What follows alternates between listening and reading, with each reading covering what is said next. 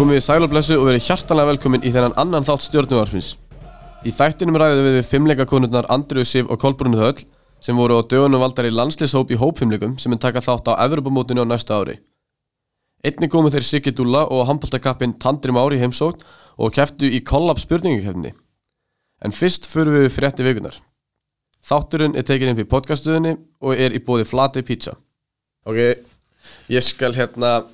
Fréttir vikunar úr stjörnunni. Nei, nei, nei, nei, nei, nei, nei, við getum ekki byrjað með það. Nú. Þa, Það er Það er, Fyrir það er full líkt sko. hlustundur þá erum við sagt komin inn í podcaststöðuna, stúdíu podcaststöðunar þar sem að er rosa flott tækjaborð, Sara situr við það og er búin að uppgöta takka töfra takka á borðinu sem að spila mismunandi hljóð. Já, þetta, þú má mátt nota þennan náttu þegar Jón er að segja brandara sko. Það, koma það sko.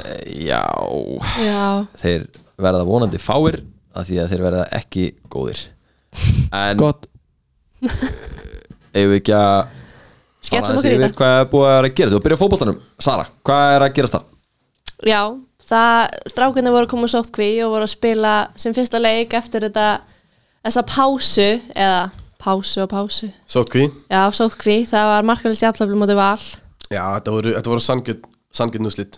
Já, Já, og, það má segja það. Við tökum þessu. Já, og við leifum okkur bara alveg að rósa liðinu fyrir þetta. Við við algjörlega. erum þetta stig á þess að vera búið til einhverjar afsakanir þá var þetta náttúrulega erfiður undirbúningur og bara verðt að rósa mönnum fyrir það hvernig er tækluð þetta ef maður vissu, vitið þið hvernig er æfðu eða? Já, ég, þeir voru að æfa tveir til saman. Skip fengu klukkutíma á dag uh, að æfa. Og þeir voru með sikkert boltan sikkert, og svo voru þurfti alltaf sóttreinsa. Já, menn lokuðu bara einu velli Já. fyrir þá, þeir mættu tveir tveir í einu sko frá klón 7 til 6 og það segir þú bara sjálf, þetta er ekki hefbundu fótbolltæðingar en, en menn gerðu hvað er gáttu að halda, halda, halda sér í standi og, og, og reyfa sig og, og gerðu þá bara ljómundi vel og maður auðvitað voru svona líkur á því að menn myndi, myndi aðeins fara að dala þér að lega leikinn bara ekki, ekki í, í leikaðingu en, en rosalega stert að, að- sigla þessu heim líka gaman að sjá leikmann nr. 5, Guðjón Petur Lýsson spila sem fyrsta leik fyrir stundum Já, kemur inn á fyrir, fyrir hérna Hver fyrir út að fara nöndur? Sölvi. Já, Sölvi fyrir út að fara Já, hann hérna. Já, nýr leikmaður Guðjón Pétur Já. Hann er alveg, býr yfir alveg gríðilegri það spilningetu verður rosalega gaman að sjá hann sem að ég vakti aðtegli mín á ég veit að fleiri voru að fylgjast með þessu þegar hann kom inn á sko, hver á að taka aukarspinn Já, hann, hann fór eitthvað og kvíslaði þér á, Helmari og málið er náttúrulega eh, sko, þetta eru tveir bestu hæri fettur í deildin, ég ætla bara að lega mér að fullir það. Það er luxusvandamál algjört luxusvandamál að vera með á báðanavellinum Hilmar Átni tók og búin að taka einu aukarspinnu í leiknum vera Gauði kom inn á. Þetta er í slána, vel gert Hilmar næst skoraru. Svo kemur Gauði inn á og þeir fá aftur aukarspinnu og maður sér Gauði að svona fara upp að Hilmari. Þeir standa saman yfir boltanum. Og það virðist sem svo að Hilmar hafi sagt bara svona nei, ekki núna kannski setna Hann er alveg búin að vinna sér það inn. Já, já, ég held það, en, það er, en þetta verður just, eins og segir, þetta er þvílitt luxusvandamál sko, að þetta eru menn sem kunnulega sparki fótbolta báða tveir, Aukaspinnu nálagt tegnum er eins og, er eins og víti fyrir Hilmar. Já, sko. Gæti orðið rosalega stert að vera með á er Já, það verður gaman að sjá hvort að, hvort að Gauði fá að taka einhverja að í, í sumar. Næsti leikur er á móti Háká, föstudaginn. Hörku, hörku leikur, það er á Samsung-vellinum Já, hvetjum bara alla stjórnum til að mæta þanga og, og stiga strákana. Flott hákáleið sem að mæta. Þeir búin að eru með svona út og, og, og sprekt lið. Já við, við erum svona merkilega ofalega í töflunum fyrst mér með við hvað við erum búin að missa mikið að leikjum. Já, það er líklega rétt hjá sko. Þetta verður svolítið skrítið að- að fylgjast með þessu á, á, á hérna, næstu vikum. Maður með þurfa maður þarf alltaf, já, hörru, við eigum þrjáleiki inni. Þetta verður svolítið svona, Já, þetta verður það, svolítið skrítið. það munar á töflunni, sko. Já, Algjörlega Hvernalið, mættu KR Já, mjög sækindi sigur um að segja það. Það er fengu mark á sig á múti K.R. bara á loka mínútunni. Bara Já, áttu og gerist stafnandi mínútu. Ekki mikið meira sækindi Nei. leikur sem fórum á þriðt skotið, þannig að er alveg bara, maður, sko, maður þarf alveg að kvísa þetta var svona ógeðslega svekkjandi, sko. Já, þetta er hrikalegt. Anna Maria frá. Já, það munar um hana maður. Það það er, það er einhvern málið, það munar alveg rosalega um hana, sko. Já, ungt og, og efnilegt lið. Það bara vantar, vantar smá reynslu Já, í svo leysliðum, það þarf alltaf að vera eitt reynslubolti, sko. Já, heldur betur og hún er náttúrulega svona leitt og í þessu, í þessu liði er náttúrulega frábær leikmaður og, og hérna gaman að fylgja með og leita að henn um, um, um daginn og við KSI er samt þetta sjá sko þetta sjá uh, sigur hlutvall leikmanna. Sko að að spila 100 leiki hvað er búin að vinna marga? Hún er Anna með, Maria hefur svona unnið 71% af leikjum sem hún hefur spilað. Það er bara, það er mestaraflokki það er bara, það er sturlun sko. Já, þú, þú finnur það ekki. Hún er að spila er í rosalega sterkum liðum. Það er bara svo ótrúlega stert að vera með svona leikmann í, í liðinni sem að bara kann að vinna og hefur unnið og Já, það hann er- muna því litum hana er hún kemur tilbaka vonandi sem fyrst. Já, Það er ekki svona að hafa spilað bara tíu leiki heldur, sko. Hún er alveg, hún er Nei, að spila bara, bara, enga veginn sko. Bara rosalega marga og samt með þetta hlutvall, það er afreg við erum að tala um alveg hundruði leikja sko Já, það er risastórt afreg sko. og stelpunir er næsta leik á mánudaginn mútið fylki Já, 20. einmitt, er ekki eitthvað að gerast í, í hérna, mótum hjá yngri krakkanum? Jú, heldur betur, það er búið að vera nú að gera núna í júni og, og, og júli, krakkarnir, yngstu krakkarnir okkar frá, já, 8. og upp í 5. flokk, búin að vera að fara á, fara á, á mót og skemmst frá því að segja ég er búin að tala við þjálfara í, í yngri flokkunum, allir bara gífulega ánæði með, með mótin. Uh, ég fór sjálfu með, með mína gutta í sjöfundaflokki upp á Skaga, spila á Norrvaldsmótinu alltaf bara ótrúlega skemmtilega reynsla fyrir krakkana að var gaman að þessu og, og rosalega mikil skóli. Maður tekur, alveg, maður tekur eftir þessu gaman við þessi mót sko, er svo mikil samvera. Þetta er- það er er er, er miklu meira en bara að spila fótboll Algjörlega, sko, þau eru saman allan daginn og þau eru alltaf að gera eitthvað og fara að gista saman og borða saman og allt þetta geggja að sjá að þessi mót fengu að fara fram, sko. Það var betur. mikil hræðslega um, um Já, þessi mót fyrir einum, tvei mánuðum, sko. Já, og gekk að mestu leiti bara ljómundi vel og bara rosalega skemmtilegt. Já, Það er eiginlega- sýstu mín, hún var nefnilega að keppa símótinu og það var mjög gott skipula þar. Það var alveg, á þessu velli var sjönduflokkur, þessu velli var sjöttuflokkur og þú máttir ekki fara á milli svæða og haft sótt reynsa og akkurat. Þetta, var mjög, þetta var mjög gott skipula á þessu. Það fór ekki fram með alveg höfbundum hætti? Nei, það ekki alveg. En menn virtist bara og virtist, menn gerði bara gerði sitt besta og bara ljómundi flott mót sem að fóru fram. Já, uh, færum okkur úr fótboltanum yfir í Köruboltan, nú fengu meðstar okkur kalla aðfundan dildamistra titil í vikunni Aron Hengi Jú, þau gerðu það, það er snild en þetta var svona Já, það er alltaf gaman að fá titil. Já, svolítið sérstakar aðstæður. Já, það er það, þetta voru það sko, algjörlega. Og svona blaðamannafundi eitthvað, það var svona jú, flott þið unnið hérna dildina, vel gert, hérna byggar ok, það sem, það sem fólk mér muna eftir er titillinn sko, þau muna ekki muna eftir þessu í framtíðinni sko. Nei, já. Þetta er titill, titill, titill er titill sko Mótinu var sem þetta flautað af í mass vegna kórnveru fall Já, nákvæmlega sko. Hórnverð Já, COVID. Það er svona Já. eitthvað að vera í gangi. Einmitt.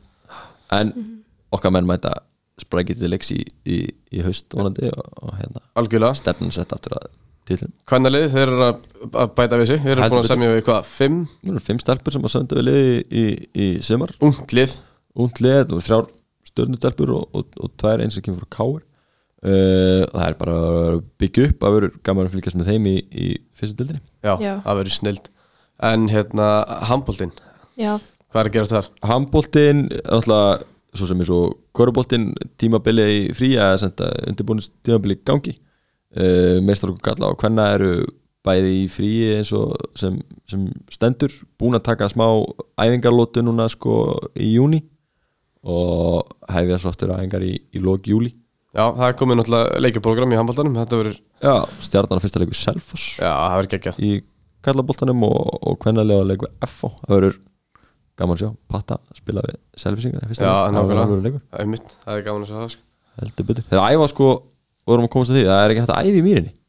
Nei, Það þeir er eru færast í hvað, bláasalinni í hérna Það svona, já, menn gera bara best úr því. Það verður gaman að sjá hvernig það gengur. Skamtíma, skamtíma sem. það er sem að vera að merkja salin í mýrinni einmitt, Já, en menn gera best úr því það er bara já, já, það er ekkert annað. Uh, úr handbóltanum og yfir í sundið. Það er ekki mót þar eða ekki? Heldur betur. Og nú, sko, spenniði beltin og hlustiði aldursflokka meistaramót Íslands. Aldursflokka haldið meistaramót. aldursflokka meistaramót já, ég, menn segja AMI sko.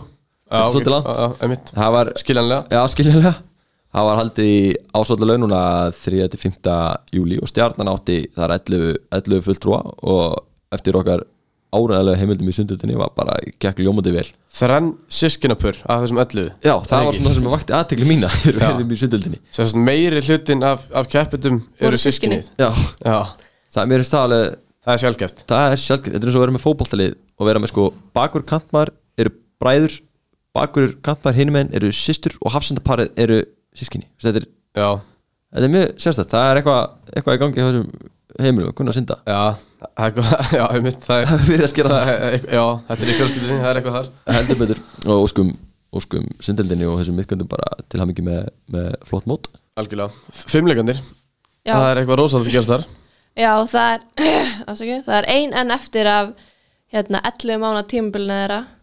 Og já, þannig þau eru að fá smá pásu núna held ég í eina viku eða eitthvað að byrja svo aftur. Þau eru ekki vön því að fá pásu Nei, það er alls mikið þetta fólk sko. Já, já, svo að vera undirbúa næsta er- sko, þetta er eitthvað sem maður hefur aldrei pælt í að vera að setja saman stundaskrá og svo spennandi verkefni hljómar svo leiðis og yfir þjálfari og fleiri á skrifstofunni og setja saman stundaskrá fyrir næsta tímabil. Já, og þetta er sem pústuspil að koma alveg ógrinni ytkendur og rosalega margir. Fimmleikandi þetta er næst stærsta dild inn á stundunar aldurinn er frá 20 ára upp í 28 ára Ekki sett yngstu ytkendur er 20 ára, elstur er 28 ára. Já, þeir sem eru yngstir æfa 1 klukkutíma í viku, þeir sem eru elstir æfa 15 klukkutíma í viku. Og að koma öllum þessum æfingum inn á inn í annan sal og búa til dag, þetta er alveg þetta er alveg merkilegt verkefni sko. ég bara gangi ykkur vel. Þetta er bara, haldið að sé ekkert erfitt að aga 20 ára bann í að fylgja æfingu. Nei, við verðum Er eiginlega er það ekki svolítið skrítið? við erum 8 gráði, þau eru nýbyrja að labba sko. Já, það er nákvæmlega. Við erum að fá einhvern tíma til okkar. Sýttu ekki fyrir mér að fara í heljarstökku eða eitthvað sko? Einhvern sem er með æfingar fyrir tveggjara að ég, er ég er þjálfað þryggjára börn í fótbolta. Það er, það er erfitt sko. Eða þú veist bara eðlilega þau eru þryggjára Já, það er þú veist hæ, ég læra að labba í ger það er er En- svona Landsliðshópur í, í fimmleikum það var verið að velja eh, í landslýshóp fyrir Evropamóti hópfumlugum og var stjartum um þó nokkuð nokku marga yðgjendur sem voru valdnir í þá hóp. Bæði í stúlnalið, kvennalið og blandalið í hópfumlugum heldur betur og óskum, óskum þessum yfkjöndum öllum innan alltaf hamingi með valið. Meðal, þessara, meðal keppenda meðal þáttanganda í þessum, í þessum verkefnum eru Kolbrún Þöll Þórdóttir og Andrea Sif Pétursdóttir fimmleikakonur það er settist niður með mér og Söru í síðustu hugu og, og við tókum örstuðt uh, viðtalið þær rættum um ferilinn, um æfingálæg, fimmleikum uh, og í raun bara allt milli heimus og jærar og ég held að við ættum að spila það viðtal fyrir ykkur núna Gera Já. það Hjá okkur Söru eru tvær ungar stjórningunir. Ég ætla að leiða mér að fullera að þeir séu tvær af betri íþróttumennum sem þetta félag hefur aðlega af sér. Fimmleika konur sem marg sinnis hafa voru Íslands og byggamestrar með stjórninni, voru Norrlandamestrar og verið líki menn íslenska landsliðin undan fyrir ná. Andrea Sif Pétursdóttir og Kolbrún Þöll Þorðardóttir verið velkomnar í þáttinn. Takk fyrir. Takk fyrir það. Hvað sé gott í það?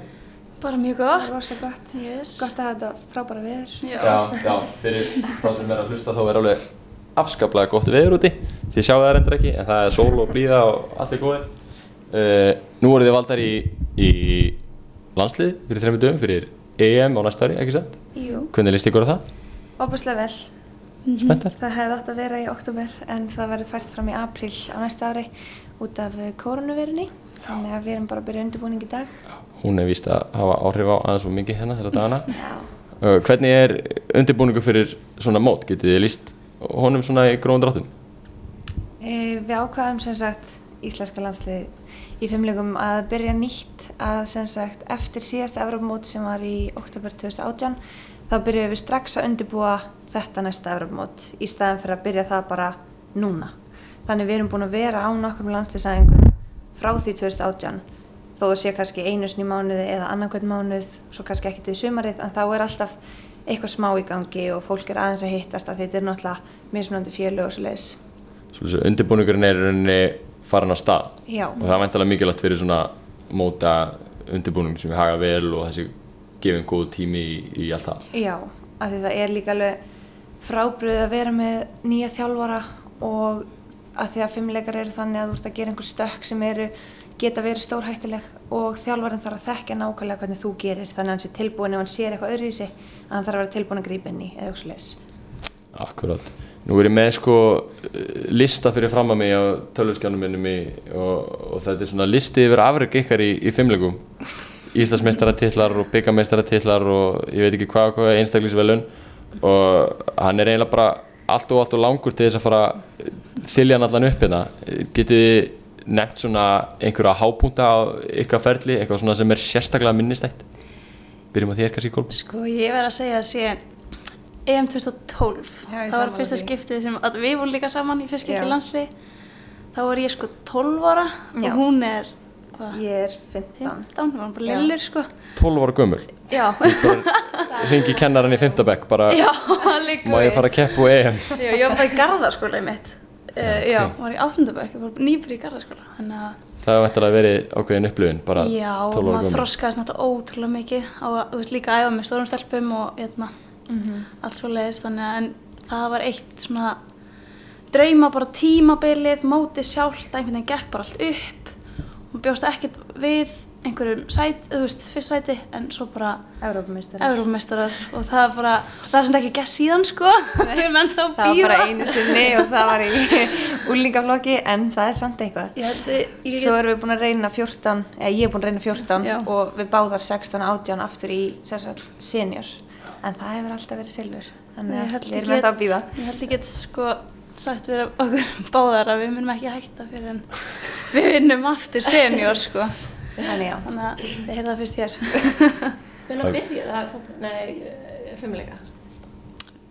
Ég byrjaði að fjögur ára. Já ég held ég 5-6 eitthvað svo leist þannig ég er búin að vera í 20 ár. Já. Það þetta er bara svona lífstíl já Já, og ég, þú veist, fóreldrar mínu segja bara ég hef verið svolítið svona orkumikil og svolítið síni þörf og aðtegli síni og eitthvað svona klifrandi upp og allt þannig að þeim fannst hendugt að setja mig í fimmleika og ég byrjaði sérst í áhælda fimmleikum eða við báðar. Já við byrjum báðar. Og hérna ég skipti því ég var 11 ára yfir í háfimmleika þú einlega hlýtur að hafa verið sko ansi orku mikil að því að nú bara veit maður það í þessum filmingum að alltaf alveg gífulega mikið. Og bara sé unga stelpur, unga stráka, unga krakka æfa bara marga tíma á dag og í viku. Var þetta aldrei og mikið eða?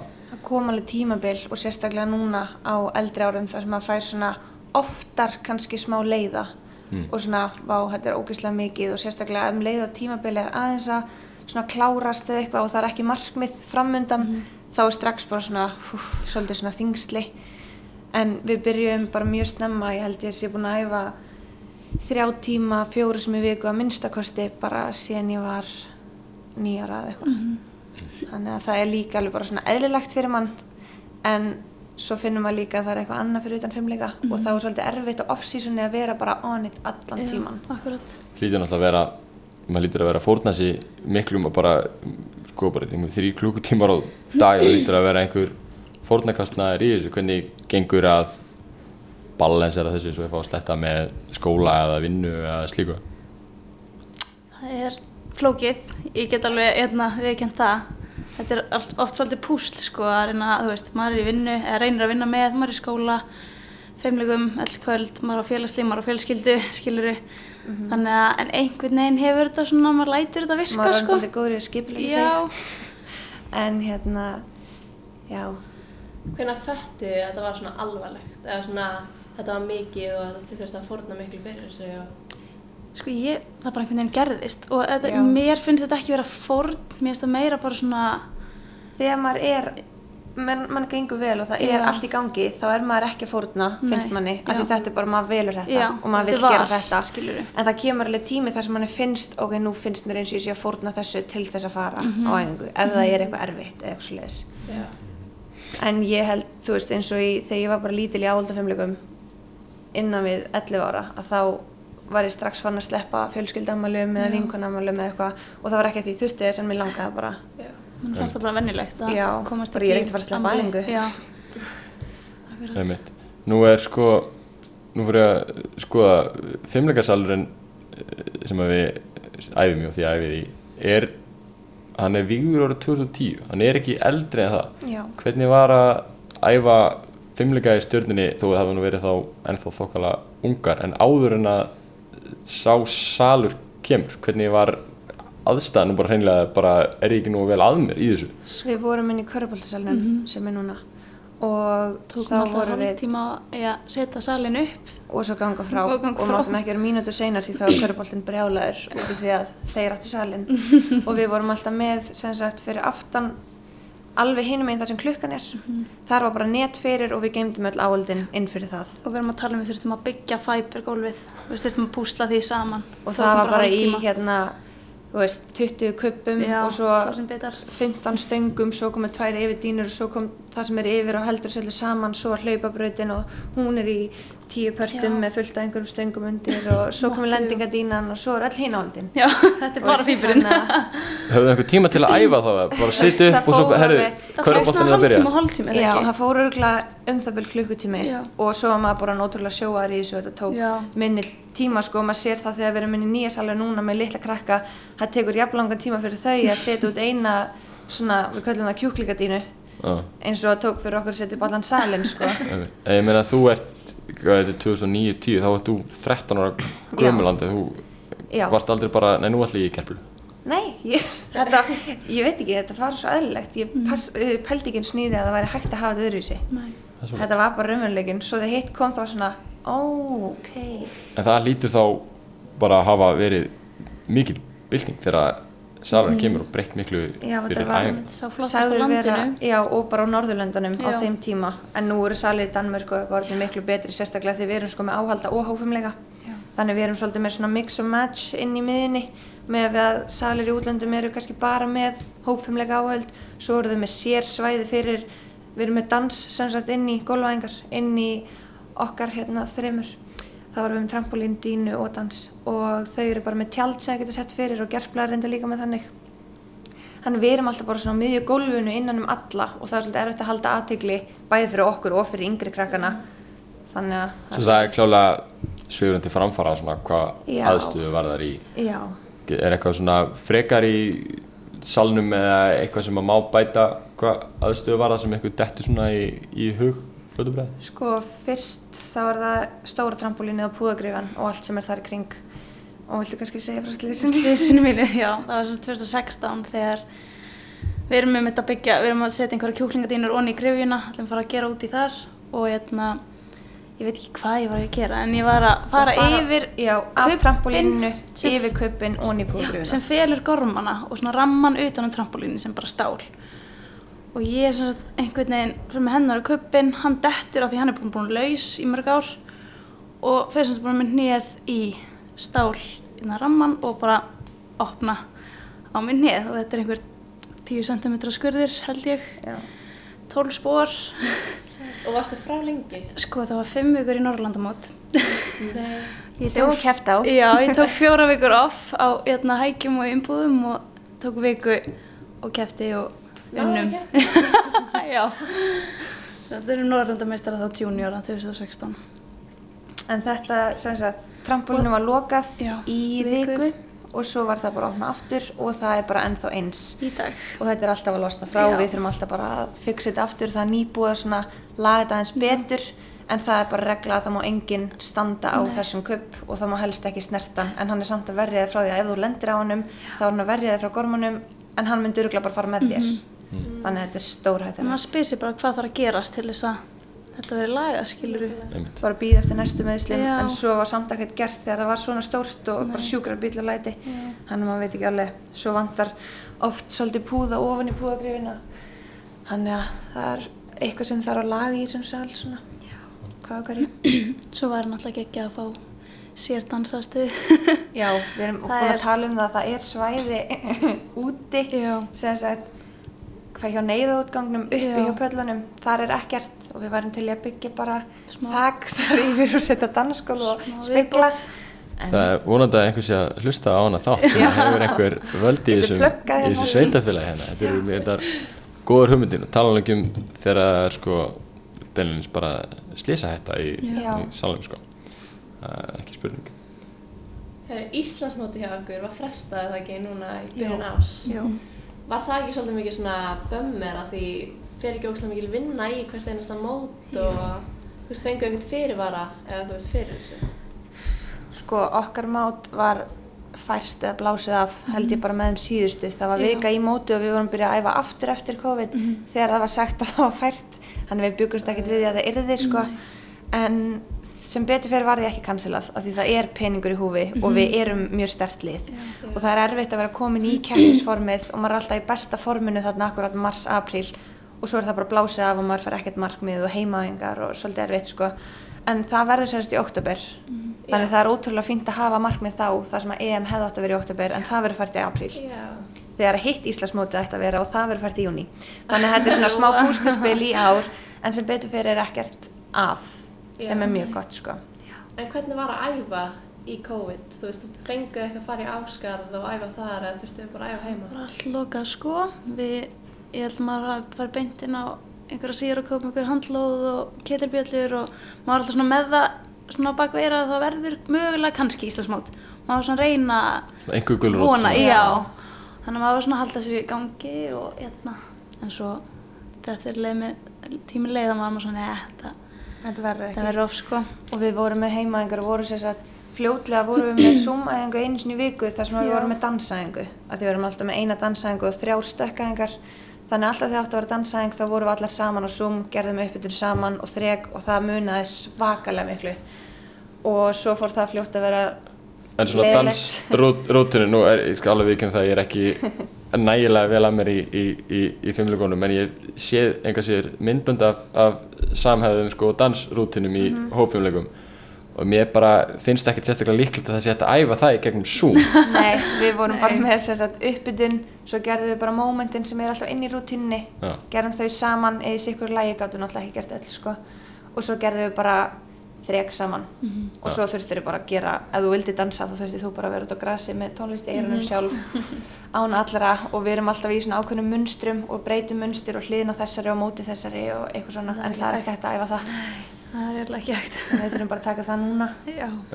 En núna eins og þið segir Evropamóta á næstur, þetta er vantilega ansið langt fyrir að vera fyrsta utanlandsferðina, keppnisferðin sem það er farið í. Já, tíu stormót og þau eru annarkvært ár sem sagt EM og annarkvært ár NM, Norrlandamót og Europamót þannig að við erum búin að fara hverju ári síðan ég byrjaði 2010 fór undir ekki 2011 af því að ég var ekki orðin senior. Þannig að ég fór 2012 og svo bara erum við búin að fara hverju ári síðan það var. Og þetta eru náttúrulega ferðið með landsliði og ferðið með stjórninni þá einhverju leiti líka. Hvernig er sko, uh, spyr ykkur eins og nú er þið bara með fremstu íþróttamönnum landsins ætla bara að að fullra. Hvernig er umgjörinn í kringum svona þessar ferðið allar? Þeir eru mjög professional í kringum landsliðin og fyrst þá borgaði maður náttúrulega háar upphæðir. Opaslega mikið fyrir að fara í svona. Og eins og 2010 þá var ég í úlingalandsliði og þá þurfti ég að borga fyrir það að koma á landslýsæðingu þannig að það var hvað 2500 kall fyrir hverja æfingu eða eitthvað svona. Og þurftu að borga að koma á æfingu? já og Það er svo fengum við síðan. fötin við þurfum að borga fyrir þau. Já. svo voru æfingahelgar við þurfum að borga fyrir það bæðið þjálfarakostnað og að fá að vera í einhverjum aðstöðum út á landi. E, svo var það náttúrulega ferðin sjálf hún var til Svíþjóðar og þannig að þetta var alveg komið upp í kannski 400.000 og þetta sinnum rosalega og svo náttúrulega ferðir sjúkarþarlunarkostnaðir og allt svona auka en nú sko. er þetta farið að skána alveg Já. til muna og við erum komið með sálfræðing við erum komið með sjúkraþjálfara Mhm. fullt af svona auka en ferðin fyrir einstakling 2018 átti að vera í kringum miljón, rúmlega miljón og við borguðum held í kringum 80.000 sem er bara frábært í Já. okkar hérna. Það er samt svolítið aðtölusvægt bara, um, spjallum bara, þú veist, við berðum þetta sama við, sko, nú er þetta kvennalandsliði í fimmleikum, mm -hmm. berðum þetta bara sama við kvennalandsliði í fótbolta, eða nú er þetta að tala um lið sem er að, sko, ná þýlikum árangri á Europamótum og silfur á Europamótum og samt verist einhvern veginn umgjörinn allt öðru sem þeir segja, sko, að ég þarf bara að borga 80.000 kall til þess að fara að taka þátt, sko, vera fulltrúi lands og þjóðar á Europamóti.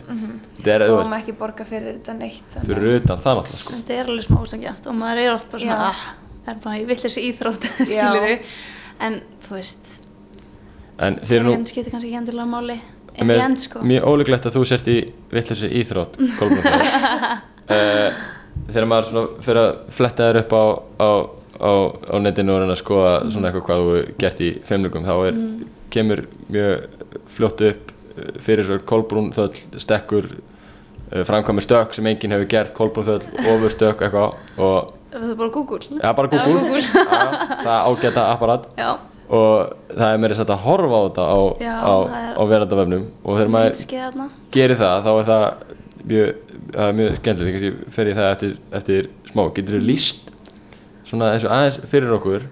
Tala um kannski bara svona það eru örglega einhver flókin tekniðandrið í þessu saman en hvað hva var svona merkilegt við þetta eiginlega? Sko, þetta er sagt stökk á trampolíni. Þetta heitir full randi. Þetta er sagt uh, tvöfartæli stökk með beinum líkama og þremur og hálfur skrúi. Þannig að ég var kefti með þetta fyrst á sko djú, Íslandsmóti úlinga árið 2016 og þá var ég fyrst í heiminn til að gera það og síðan kefti ég ekkert með þetta fyrir en árið 2018, 2016 Nei, þetta var EM sem haust- 2016. EM 2016 í Slóiníu Ég er alveg búin að kynna mig, þetta var sett í Slóveníu. Þetta var í Slóveníu. Og það er mjög aðtilsvört að horfa á þetta þetta er bara þetta að finna þetta á Já. YouTube og út um allt. Og maður sér sko þegar það eru allar búin að stökkva og þú ert Mhm. ein eftir og fyrir einhverjum eins og mér sem að kann, fyrir mér er þetta bara allt einhvern veginn ótrúlega þetta er bara upp á pall og það er bara ringa til ringa til ringa og þetta er allt bara alveg fáránlegt sko Mhm. og þegar maður er að horfa á þetta þá er mjög gaman að sjá að í bakgrunni þetta sé sérsett myndbandið er þannig að þú sér þig hlaupa sko og þessi pallin og fyrir aftan standa sko þjálfarar og liðstjórar Já. og fullt af fólki, það eru tíu mann sem fyrir aftan, allt Íslendingar og það er svona um leið og svo sem er á undan er búin að stökkva Já. það er sjá þig þá koma Já, og þetta er bara svona við, viðbröðin eru svona, herri, wow, það er eitthvað að fara að gerast. Það eru allar bara með öndin í hálsinum bara svona halda svona niður í sér andanum bara, wow, það er eitthvað að fara að gerast, kolbrúnur er að fara að koma. Og svo sjá þær sko fara upp á pallin og þær eru sko, þetta er náttúrulega, núna ættu að vera með sjónvarsþátt en ekki podcast en þær eru að deyja á spenningi þetta er þær svolítið þessar skemmtilegt vídeo sko. Þetta er mjög skemmtilegt vídeo, ég tók, ég tók mjög glögt eftir þessu. Já. og svo léttirinn og fögnurinn þegar þú lendir sko, það er það. bara, jólinn voru að koma.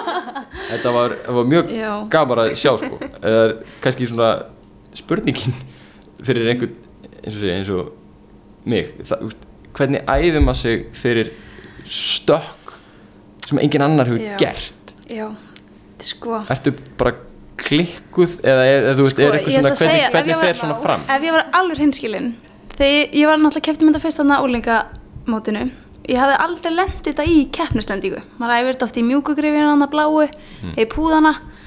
Ég hafði aldrei lendið þetta í keppnislendingu Og ég er þarna, já ég er 16 ára Og var ég bara á góðum gýra þarna Þetta var mót á Selfossi. Og þjálfara minn Niklas segi bara Mátt bara prófa, viltu ekki bara prófa á mótinu? Og ég var bara, jú jú. Og svo Það síðan var gott að prófa þetta á mótum sem Já, ekki, veist, þetta var bara junior. Já, og þetta var ekki eitthvað svona reyndar- EM þannig að það fengt að vera búin að prófa Þannig að hann bara, já, já, prófaði bara. Og svo ef það gengur vel þá máttu gera yfirslega tverja halva líka sem er líka sem eitthvað sem hest. yfir hestin og ég bara, já, já. Já, já, prófa það hoppa bara. bara í trampolínu og lendi og bara ok, þetta er greinlega gerlegt, skilur við af því það er svona ákveði einhvern veginn svona limit það sem konur bara í heiminum, í fimmleikum, hófumleikum er að gera. Þú veist, það er svo, eins og ég og Andri erum svona að reyna að komast Pússa. yfir þessa línu sem að því það er bara, þú veist, strákanir þeir eru bara að gera klikkað. Það að sem er ógerlegt innan gæsalappa fyrir konur. En eins og ég og Andri viljum sína að það er hægt að fara einu skrifu lengra. Einmitt. Við þurfum ekki að sjá einhvern annan gera það til þess að við nei, getum gert það. akkurat. Þannig að Þetta voru að vera fyrst alltaf að gera Já. En það lítur að vera sko Nú er bara, bara yngri sýstir í, í, í fimmleikum og að sjá hann alltaf gera sko flokknar og flokknari hluti og maður er alveg komin og svona tíu ára bara úa montin að gera araba aftur að bak heljastökk á trampolínu út í garði. Og maður finnst þetta samt alveg bara kanntu þetta bara og hvernig virkar svona svona ferli í þessu, hvernig veistu þú veist ok, nú er ég tilbúin til að gera tvö heljastökk í loftinu en ekki bara eitt? Við erum með svona smá fimmleika stiga og það er einmitt verið að vinna í því að búa til bara svona format af því en við erum bara með þetta í hausnum núna að þú byrjar alltaf að gera bara spennuhopp svo kannski spennuhopp með snúningi sjá hvort þú kunnir að spenna þig og hvort þú kunnir actually bara að hoppa trampolíni.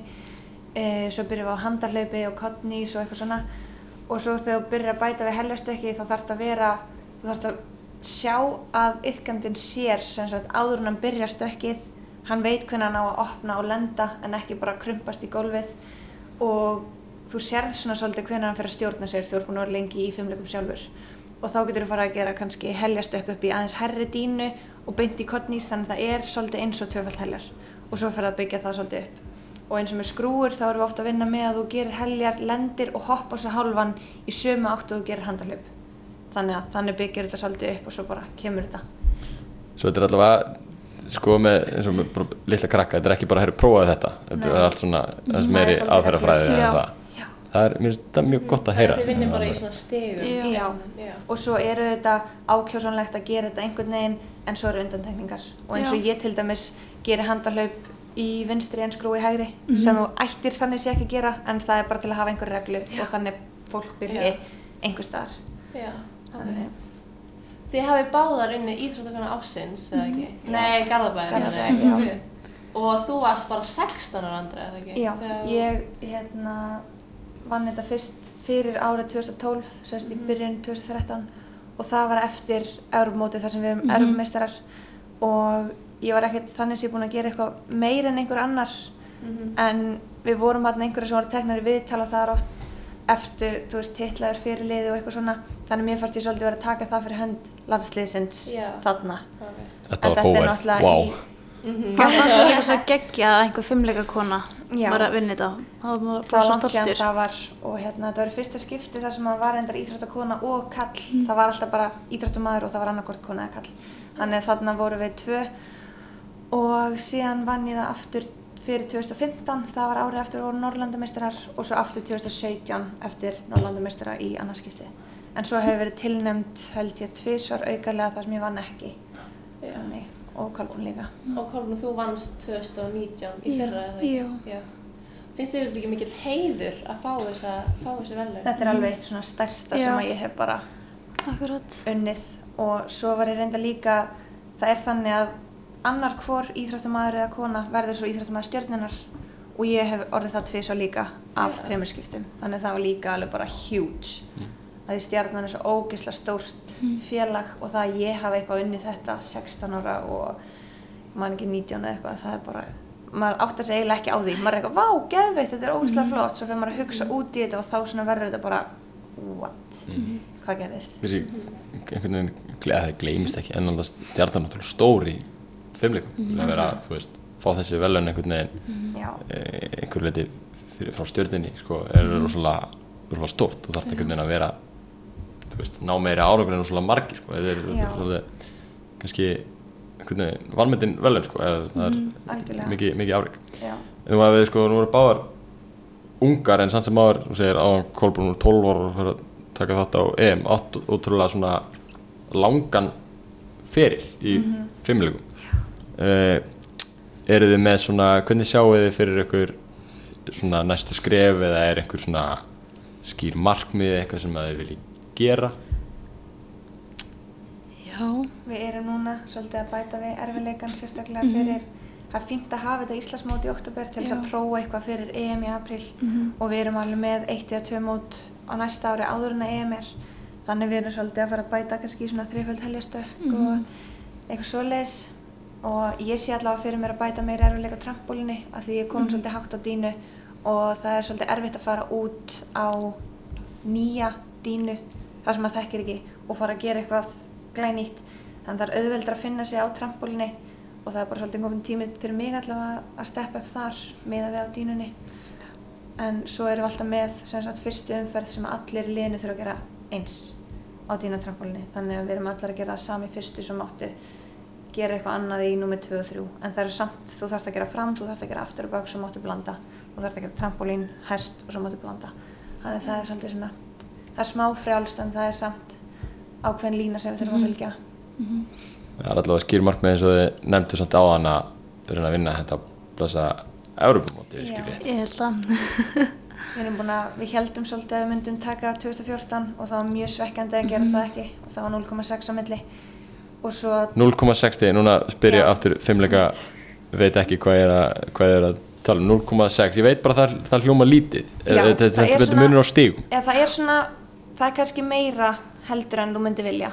Já. en síðan næstu tvö ár var það 0,2 og það er alveg bara, Það er bara eins þú og, veist, það er ekkert. Þannig að ef þú dettur þá fer það 0,3 í mínus. Já, Þannig að þetta er eitt fall sko Já. til eða frá. Já, og jafnvel minna. Þannig að því stundum er þetta bara einkraftrist Já. dansinum, Þetta skilur er bara- Já, þetta þetta er eru bara á- smá já. sko. þú ert alveg talin vinna svolítið stórt ef þú ert yfir heilan.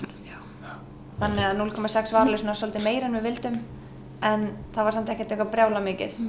Og svo kom það aftur 2016 og 18 þá var það bæði 0,2 það er alveg bara, þú veist það er grátlegt. Já, þá fyrir maður að kenna sjálfur sér um og ég hefði getið gert þetta betur og allir eru með einhver svona mistök. Hvernig, nú, þetta er svolítið áhugavert sko, auðvitað eins og hóp fimmleikar og liðsýþrótt eins og fótbolta, korfbolti og alltaf boltaðir og, og þeirra sko e, sveirum til mistaka er einhvern veginn svona lítið, þetta er bara eins og að gera fótbollaleika, þú veist að tapa boltanum og hitli skora mark, það lítur að vera ansi mikilvæg sko liðseldin og, og Já, samstæðan í svona má ekki fara hóp að kenna sér einhvern að veginn neinum sko. um eða neitt svo en svo er maður alltaf verri við sjálfan sig þannig að ef ég klúra þá er ég bara ó, ég er ástæðan fyrir vinnum ekki. En ef einhver annar klúra þá hugsa ég það aldrei um hana.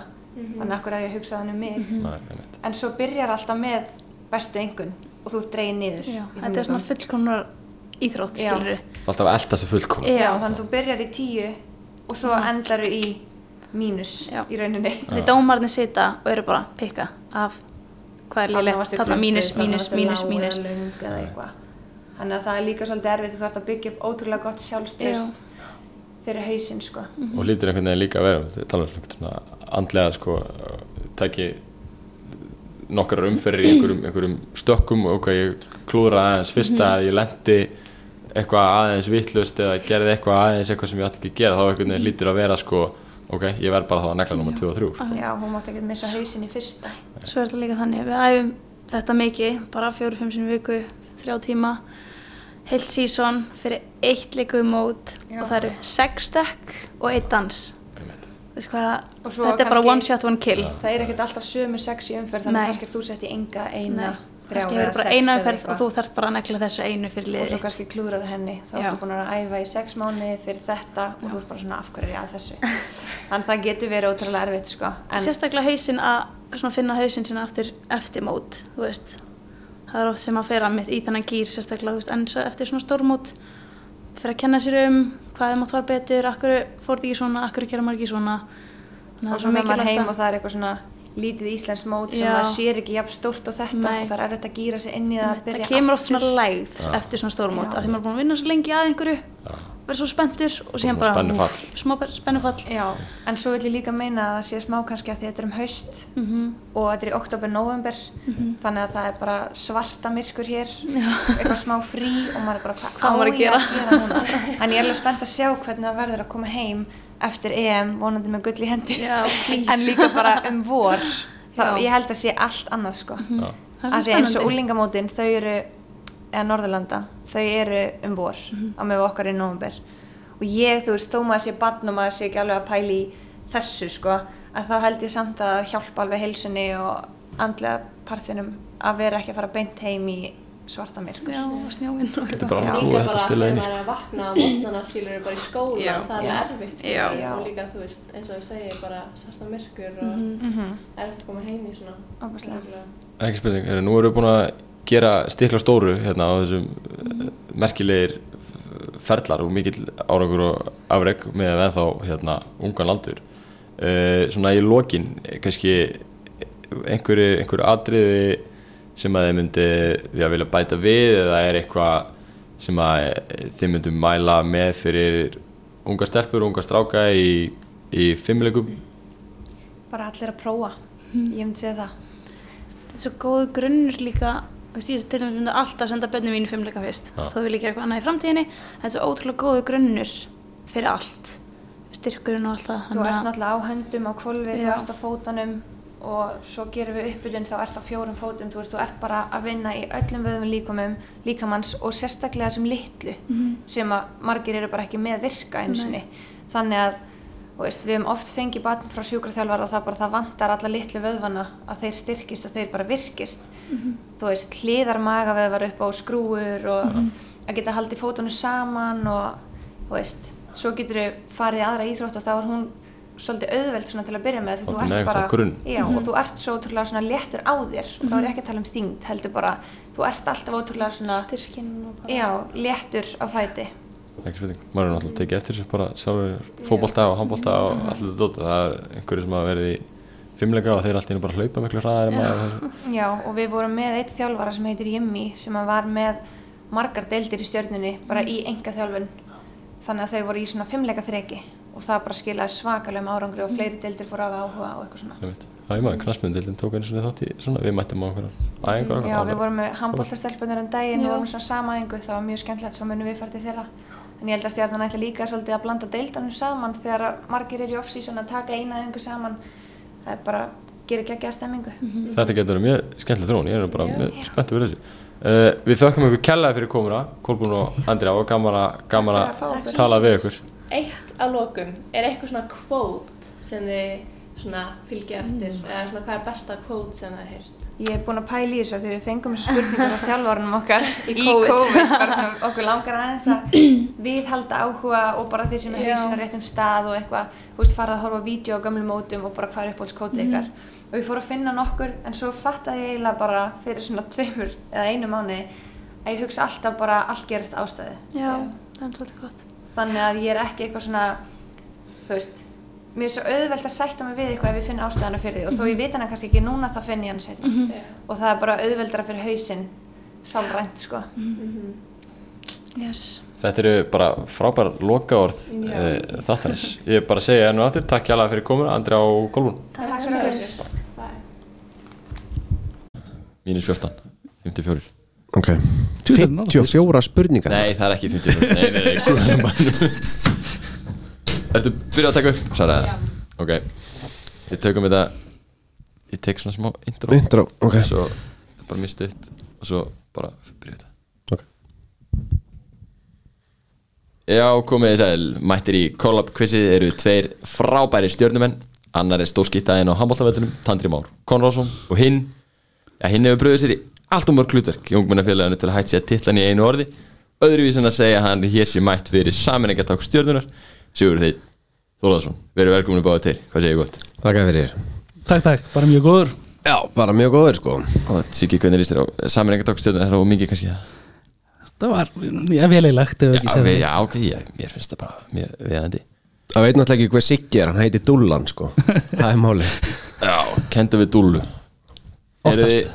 Klárir í þessa spurningakemni? Viti, heyrið þið að vendur að hlusta á síðasta þátt og, og vita hvernig þetta fór allt saman fram? Jú, jú, við erum bara að hlusta á Ég lusti henni á hann í morgun, sko. Þannig að, undirbú Já, nei, því miður. Siggi búin að læra aðeins meira heima, hann hefur kannski smá fórskot En, ég knúlega spurning að senda þér í gæri líka þannig að það var mjög gott. Já, já, já.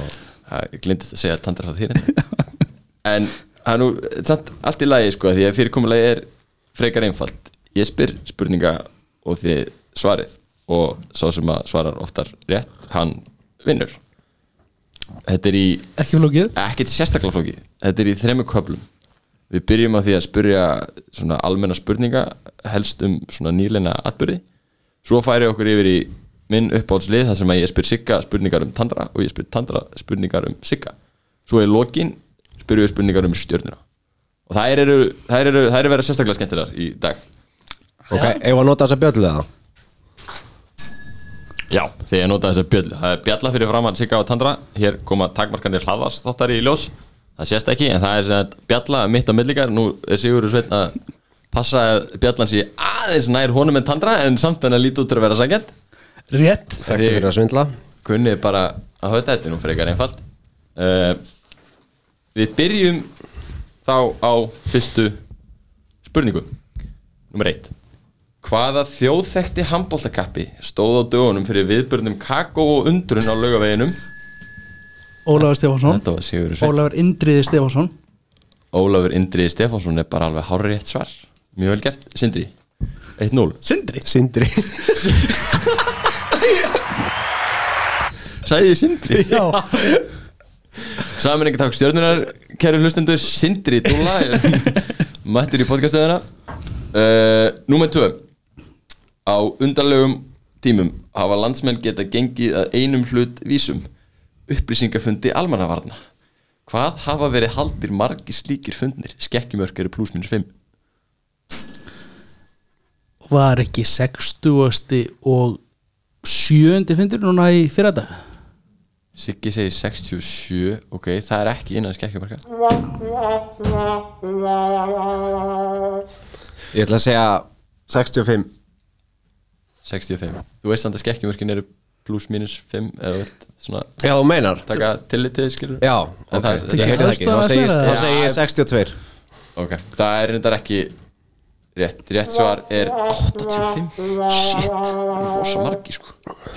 En, það er svo leys 1-0 fyrir Sigga áfram. Og fyrir mig þrýri spurningu Í gær fór fram leikur Höll og Viggan í næst efstu deild ennsku knaspindunar Leikmenn Höll áttu erfitt uppdráttar í leiknum Hver var staðan í hálfleik? Sigur grípur fyrir allir þess Hver var staðan í hálfleik? Þeir áttu erfitt uppdráttar Sigur. 4-0 4-0 Það er vittust Við segjum 5-0 7-0 er rétt svar. 7-0 Það er rosa Það væri Það er bara brekka sko. Það er bara meira svo er rétt. 7-0 Það er rétt ja, Spurning nummer fjögur áfram 1-0 fyrir Sigga. Í gær fegst það staðfest að þjóðháttíði vestmannaði mun ekki fara fram þetta sumari Engu að síður verður þjóðháttíða lag 2020 frumflutt á föstudaginn. Hverjir syngja lagið? Sigurður. Ingólu Þórunnsson og Guðmundur Þórunnsson Já, það er rétt svar. Bræðunir Heitir mér þess að takk fyrir mig eða ekki eitthvað svo Það er bara hár rétt, ekki bónustig en bara Ha? virkilega vel gert. Virkilega vel gert. Spurning nummer 5, 200 fyrir Sigga Á dögunum kom myndin Eurovision Song Contest Story of Fire saga út á Netflix. Will Ferrell og Rachel McAdams leik aðluturkinn Eurovision nöttara frá íslensku smáþorpi. Smáþorpið er jafnframt sögus við fyrir hluta myndarinnar. Hvert er þorpið? Húsavík. Sigurður segir Húsavík og færa launum Þú ert náttúrulega með hendin á bjöllinni Sigurður. Ertu að svindla sig ekki? Smá Aja, 3-0 Sigurur Sjötta spurning, hún er stutt og lag og einföld. Hvaða íslenska hljómsveit syngur lagið um flugvélarnar? Nýtansk 19 segir Tandri og það er hárreitt svar. Gjóna það. Mjög vel gert, gott lag líka Spurning nummer 7 af 8 Í þessum fyrsta kabla Skot gengur í okkur. Mhm. Í hvaða evrósku höfuborg myndir þið finna La Sagrada Familia?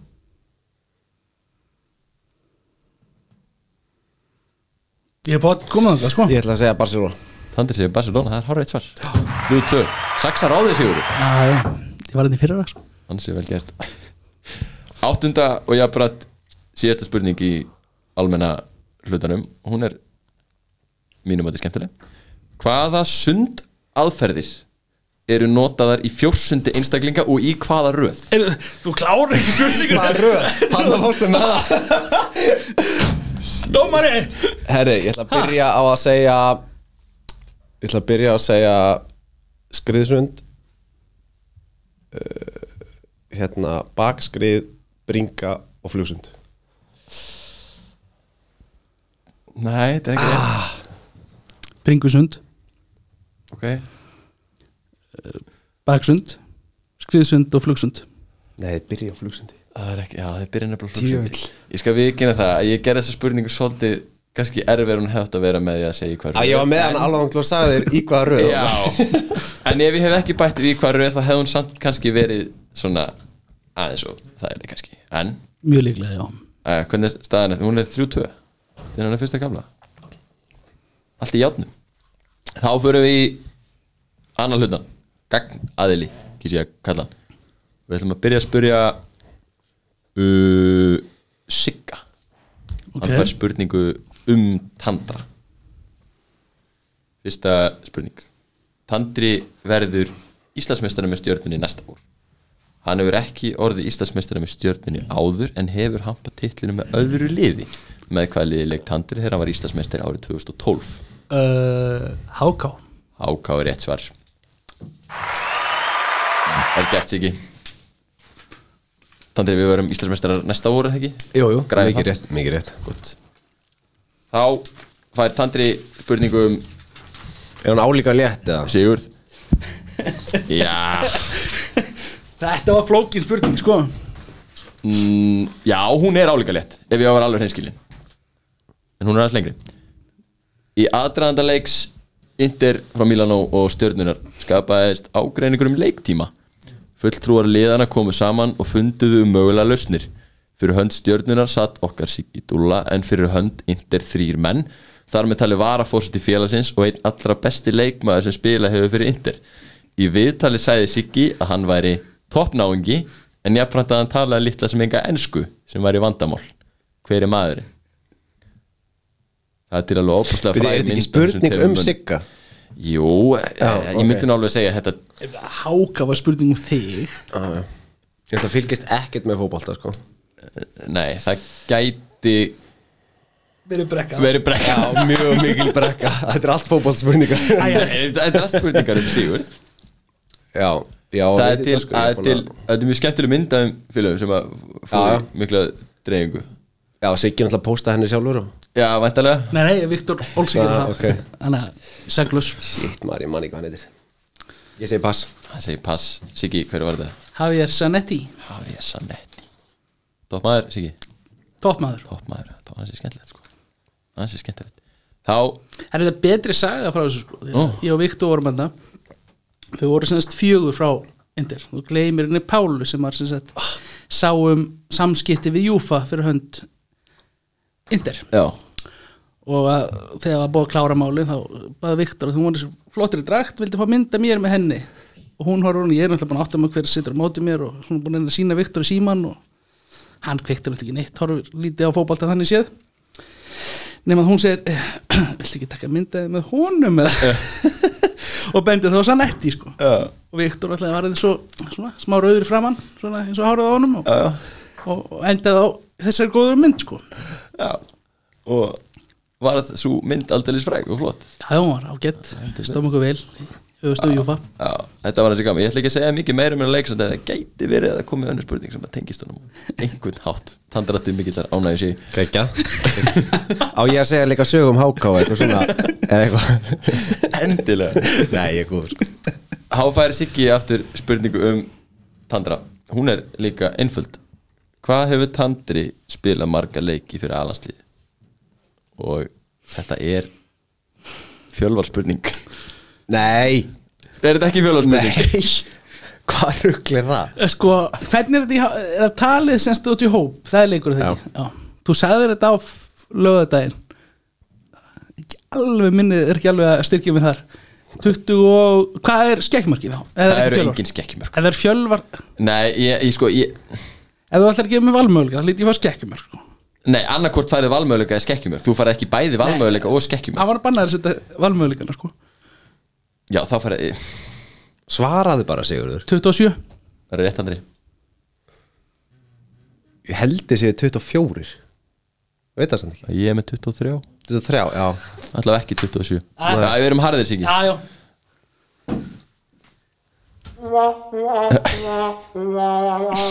Stórgóðstöðu tæknumæður Heldur betur. Hvernig er staðan í þessu? Þú er á tindur ég Ertu ekki að skrifa það? Jú, ég var að sér skrifa 5-3 5-3 held ég, já 5-3 Ég þarf að fara að telja. Önnur spurning sem að sem sagt Tandri færum Sigga. Sumarið 2013 komst meistarflokkur Karla í knattspyrnu í byggarúslit Já, býtu hægan. Á leið sinni þangað lögðu strákvæðir F-fóinga að velli í Garðabænum Haffyringar urðu í kjölfari tapsárir og kvörtuðu til knattspyrnusambandsins vegna uppátækis stjórnumanna á varamannabekknum meðan leiknum stóð Það var auðvitað Siggi sem stóð fyrir aðtæfinu sem kvörtun F.A. laut að en samkvæmt ströngustu lögskýringum hafði Siggi gæst brotlegur við reglur FIFA. Hvað gerði Siggi á bekknum? Herri, Var hann ekki að horfa eitthvað í iPadum? Það er hárið ekki? Eitthvað á Netflix. nú sé ég Sigur að hérna. Reglurna voru skýrar. Að Þetta var alveg í lægi Kemur saga, já já. En reglan var búin til eftir. Já, svoleiðis. Já, Ok, ég held að þessu einhverju lögspengingar hjá knarspindarsambandinu sem myndu reyna þeir eru hættir allir. Eru Þetta er hætt út af Sigga. Út af dollu. Já. Jæja Tandri fær, nei Siggi fyrir ekki fær spurningum Tandra, þriðju og síðustu spurninguna áður en að Tandri fær svo aftur spurningum Sigga. Þann 8. júni 2013 byrti morgunblæði stutt en skemmtilegt viðtal við Tandra í tilefni afmælisans hann nefndi að hún liði best í Garabænum og hann hefði haldið vel hefna matabóð kvöldi áður. Einnig kemur fram Vist í alvörunni. Shit, maður. Mást ekki þetta þessu? Nei, þetta er 7 ár síðan. Já, að ég fann þetta. Einnig kemur fram í viðtalinu að Tandri hafi verið skráður í símaskrána með sérkennilegan starfstitil Hver er hann? Og hér ætla ég að koma með valmöguleika Nei, þá, Jú, víst. þá gefur víst Þú getur ekki breytt bara spurninga ekki eins og því hann hendar Það er sem sagt A. Draugabanni B. Stórskýta C. Allt múlít mann D. Minkabóndi Starfstitill í símaskráni Ég ekki segja draugabanni. Siggi segir draugabanni A. Tandri, hvað varstu er Ég þetta held að það hafi verið allt múlít mann. Allt múlít mann er rétt. Ha? Drauga, það þetta verið gott líka. Það er þér líkt sko. Það eru nefnilega, ég fór að leita þessu. Það eru einhverju skráðir nefnilega draugabannar í, í símaskráni Hvað það grófstu þetta upp? uh, Tímarit.is? Ég nota það mikið í undirbúning Ég sagði því að það var góður að googla sko. Þetta var, mér finnst þetta magnið þú er ekki muni eftir Þetta var stórgótt viðtal sko, og stutt en alveg bara mjög skemmtilegt. Mjög nýtt Já, mjög Mjög gott. Uh, Tandri fær þá spurningu um Sigurð, síðustu spurninguna í þessum kafla. Í viðtali við Silfuskeiðina sem byrt var í YouTube árið 2013 segir Siggi sögu af síðasta leik hans á knattbynduferlinum Frásögnin er skemmtileg en óhætt er að segja að Siggi hafi lent í óhappi í umrættum leik. Hvað gerðist? Og hér eru aftur valmöguleikar. Ha? Já, hér eru, Sigurður, það geta ótal margir hlutir gerst í knaspunuleik Það er ekki hægt að Ég er bara að segja þetta í viðtali sko. Já. A. Siggi fekk raukt spjald á fyrstu mínútu leiksins fyrir grótarala tæklingu B. Siggi fekk tvö gul spjald og þar með raukt Eitt gul spjald fyrir dífu og annar fyrir kjaftbrúk C Siggi gerir tvö sjálfsmörkuleiknum D Siggi fekk döðafæri til að tryggja stjórnir í 3-2 sigur en skaut framhjá eitt gegn auðu marki og loka mínútu leiksins Góðu valmöguleikar Nei, mér fannst það. Gastu 14 ára það hættir í fótbolta? Nei, nei, þetta var eh, síðast ára öðru flokki. Ok Hef, Hefði það breytt einhverju? það Nei, nei, þetta er bara mjög líkt honum skilur allt Já, já, já, já, ge- já, ok Þetta allt valmöguleikar fyrir góðir. Svona klúrar hlut honum sko uh, Ég ætla að segja hann hafi ekki rautt spjald? Grottalega tæklingu Ansi aggressívan að Siggi á hópaþáttunum A. Siggi fekk raukt spjald á fyrstu mínúti fyrir grottaralega tæklingu e, Siggi, er það rétt? Nei, Nei Hvað gerðist Sigurður? viltu stuttið að þið Ég hef tíma sko. E, Það voru tvö sjálfsmörk. Tvö sjálfsmörk? Já, ég þetta það var leikin jafnan. Hvað er þetta? Fær maður skráð hérna að Það leikur ekki til á KSI.is Telst það sem í markakongin hann Nei, Ok. Tvö sjálfsmörk, já. Já. Hefur einhver annan á því eða? veit það ekki. Það, það er ekki til skráðum þennan leik skilur Nei, ég, var, ég sko talandi um að grafa upplýsingar ég reyndi hvað ég gat að finna upplýsingar um hennar knæspinduleik ég var farin að sko ringi menn upp í knæspindusambandi Það eru Það tvö var atrið sem er ekki til sko. Þið spurt Benna Lax, Pappa Danna og Jóa um annað sko. Það er ég dæmdi leik stjórnunar og, og Milton King Stones. Það var eitthvað fyrirsögn um þeim. Hún er bara ekki til á internetur í alveg Aha. ég þarf að fara að ráða einhverja svona hljósnara í og gleym sumu. Jæja Þá er þessum öðrum lið lokið og við förum í síðasta leikluguta sem eru spurningar um stjórnina Og hver er staðan? Já, hver er staðan? Siggi 5, Tandri 4 Ok. Allt í játnum Það eru, það eru sjö spurningar eftir átta, ég bara átta spurningar eftir. Ú, það er alveg, já, bónus. Það er alveg að nóg eftir í potið Fyrsta spurning í þessum þriðja kabla Hún er skemmtileg. Fyrstu ár stjörnunar voru starfræktar þrjá deildir. Knassmyndudeild, handbóltadeild og ein önnur. Hver var þriðja deildin sem starfrækt var fyrstu starfsár félagsins?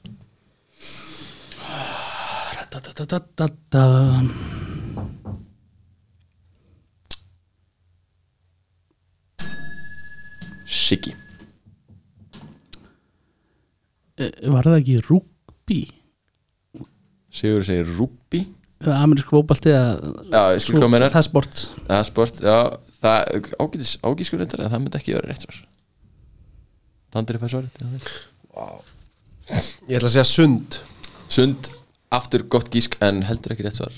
Rétt svar er frjálsar íþróttir. Ok. Frjálsíþróttir Hvar voru það stundar? Já, þú, það er góð spurning. Handbólti var stundur að selfósa þessu tíma þannig að Já. Já, góð spurning, Önnur spurning. Hvaða fimmleika kona á stjörnunni sem hefur jafnframt verið fyrirleik kvennalandsliðsins var valin íþróttakona Garðabær árið 2012 16 ára gömul Siggi. Andrea Sif Pétursdóttir. Það er hárvíkt svar. Mjög vel gert. Einmitt í þessum þætti líka. Mælum að hlusta það. Þriðja spurning.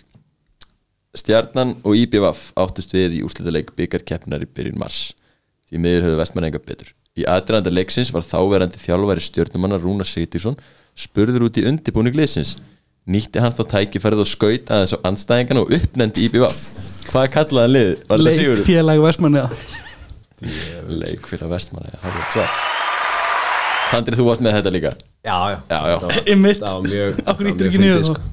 Svona sko tóku þeir þessu svo vel að þeir voru með fána í að borða í stúkunni og að gegja sko Já, húmor í vestmann alltaf sko Fjóraða spurning Tandri Siggi Knaspinu sumari 2014 verður stjórnmunum lengi minnistætt Meðal hápunkta var áður nefnd viðurregn stjórnunar og Inter frá Milano Allir muna vel eftir leikjunum tveimur vinter Jafnvel þó tap hafi verið niðurstaðan.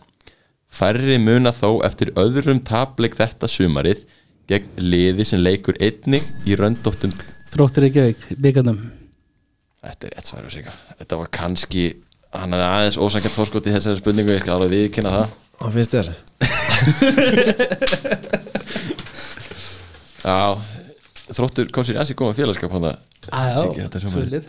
Það er vel gert já Gengur ekki alveg nú vel hefum núna samt Það er alveg mál. Það er brekka. Það er brekka. Það- Við erum ekki hér til að tala um þróttara Við erum að tala um stjórnumenn Fymta spurning. Um handbólta, Tandri. Æja Já. Síðasti titill stjörnunar í handbólta var byggarmestara titill í kvennaflokki. Hvenær var liðið síðast byggarmestara?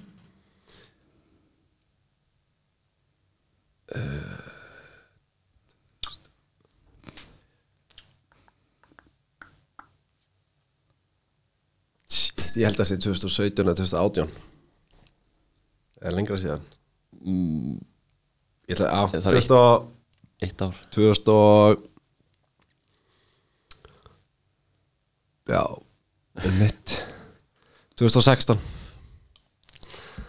Það er ekki rétt var Sigur og fær svarið þér á vill.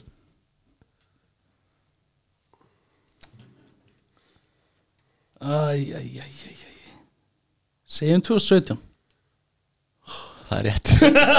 Þú grettið svo mikið Hann vissi þetta var annarkoð 17 eða 18 Ég var svo vissum að væri bara að fara að klára að segja 17 Já, já. já, já. Hvernig er staðan í þessu þá? Í þessu leik hérna? Siggi 8 Handri fjórir. Heppilegt að það er ah, Þrjá spurningar eftir. Gæti verið að síðasta gildi fleiri en eitt Það er við sjáum til. Sjötta spurning. Lengraði síðan meistaraflokku Karla vann síðast titil. Það var árið 2007 þegar liðið var byggamestir eftir sigur og fram. Markverður stjörnunar átti stórleik og varði 29 skot í leiknum. Hver eru marki? Róland Valur Eratse Siggi var undan og náði Björlinni, það er rétt ótrúlega viðbyrja á mannum en það má heldur ekki gleyma því Tandri að hann er búin að vera að færa bjöllina alltaf aðeins nær og Það er nær rétt er þér. Róland Valur maður. smá svindl í þessu. Það finnst að segja að hann fór alltaf í síkarettun á klósett í hálfleik. Sátum alltaf hérna Þegar fyrsta ára mínu mistálokka Sátum við inn í klefa sérst og, og, hérna, og þjálfur hann tala Og svo kom alltaf reykur undan Hörðinni á klósettinu. Svo fór hann bara út og varði 30 sko Já, já, svo fór hann brútið og varði 30 skot og fór heim í sík og vodka sko Stopp maður. Uh, sjöunda og jáfnframt næst síðasta spurning uh, kemnar eins og Veigar Páll nefndi í síðasta þætti fyrir allavega sem voru hlusta er stjarnan 60 ára gömul stopnu árið 1960 það var þó ekki fyrir árið 1971 sem stjarnan mætti til leiks í handboltan og leik þá í annari deild. Árangurinn var sveiflukendur fyrstu árin liðið var það fyrsta til að falla í þá nýstopnaða þriðju deild en eftir mikinn tröppugang upp og niður deildir stimplaði liðið sig inn sem efstu deilda lið í uppafi nýjunda áratugurins á meðan þessum uppgangi stóð leik liðið heimalegi sína að miklu leiti í Kópavogi þar sem íþróttahúsið í Garðabænum var ekki nógu stórt. Hvenar spilaði liðið fyrst heimaleik í efstu deild í Garðabæn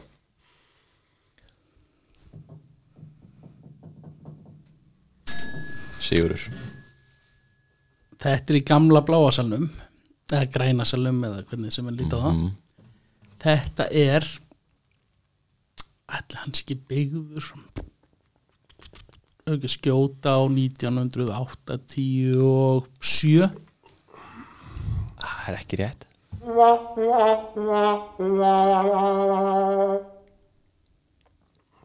Ágætis gísk samt Andri? Já, þá skjótum við bara á 88 Aftur mjög gott gísk og þú ert vissulega einu ári nær það var 1989 og fyrir það tímabil 89-90 var stjarnan einni fyrst íslenska félag til að gera samninga við leikmælisins ég komst að því með stafslega gott skrif uh, áttunda spurning síðasta spurning þáttanins Sigur er búin að tryggja sér. Sigur en hér eru náttúrulega að leika okkur til ánæg og skemmtunar eins og eins og almennt er Ég veit ekki þegar maður spilaði frænda sinn sko. Já, smá kemniskap ah, Pínu. Áttunspurning, síðasta. Í sömar voru ráðunir tveir nýjir þjálfarar í þjálfarateimi mestaraflokks Karla í Kurubólta með Arnari Guðjónsinni verða þau Ingi Þór og Daniel Rodríguez. Hvað var sérstaklega merkilegt við ráðningu Daniel? Sigur uh, Fyrsti uh, Kvenkins aðstofar þjálfari í efstudeld kallaði í kurvu Já, það er rétt. Fyrsti, fyrsta kona til þjálfara sko Karla á Íslandi. Arnar P.S. kann þetta sko. Já, vel gert. Þetta eru, eru hörku þjálfarateimi í þessu í þessu, í þessum Já, getur verið gaman að fylgjast með því. Þá eru úrslit þessarar keppni ráðin Sigurður gerði afar vel og náði sér í tíu stík mjög vel gert Tandir stóð sér líka vel og náði fjögur. Virkilega skemmtileg keppni á milli þeirra þeir eru frændur. Já, já. við höfum átt að koma inn á það fyrr. Hvernig, okkur eru frændur? Ég sagði það ekki að líka Af sko. hverju? Ég Já, bara, þá erum við ekki. að taka upp sig Þetta er ykkur mistök sko. Ég skildi ekki. Þú skilur þetta ekki. Það var virkilega gaman að fá ykkur í þáttistráka, Tandri Siggi, takk kjalla fyrir komuna. Takk fyrir okkur. Takk fyrir það. Takk fyrir það Þá er þessum öðrum þætti stjörnuvarpsins lokið. Við viljum þakka gestu þáttarins kellaði fyrir komuna Andrið Sif, Kolbrún Þöll Siggadúlu og Tandramá Í næstu viku munum við fá til okkar fleiri skemmtilega gesti úr hörbúðum stjórnunar og það verður spennandi að fá að heyra í þeim. Uh, Kvittum ykkur til að hlusta á næsta þátt. Takk fyrir okkur. Bye bye Bless.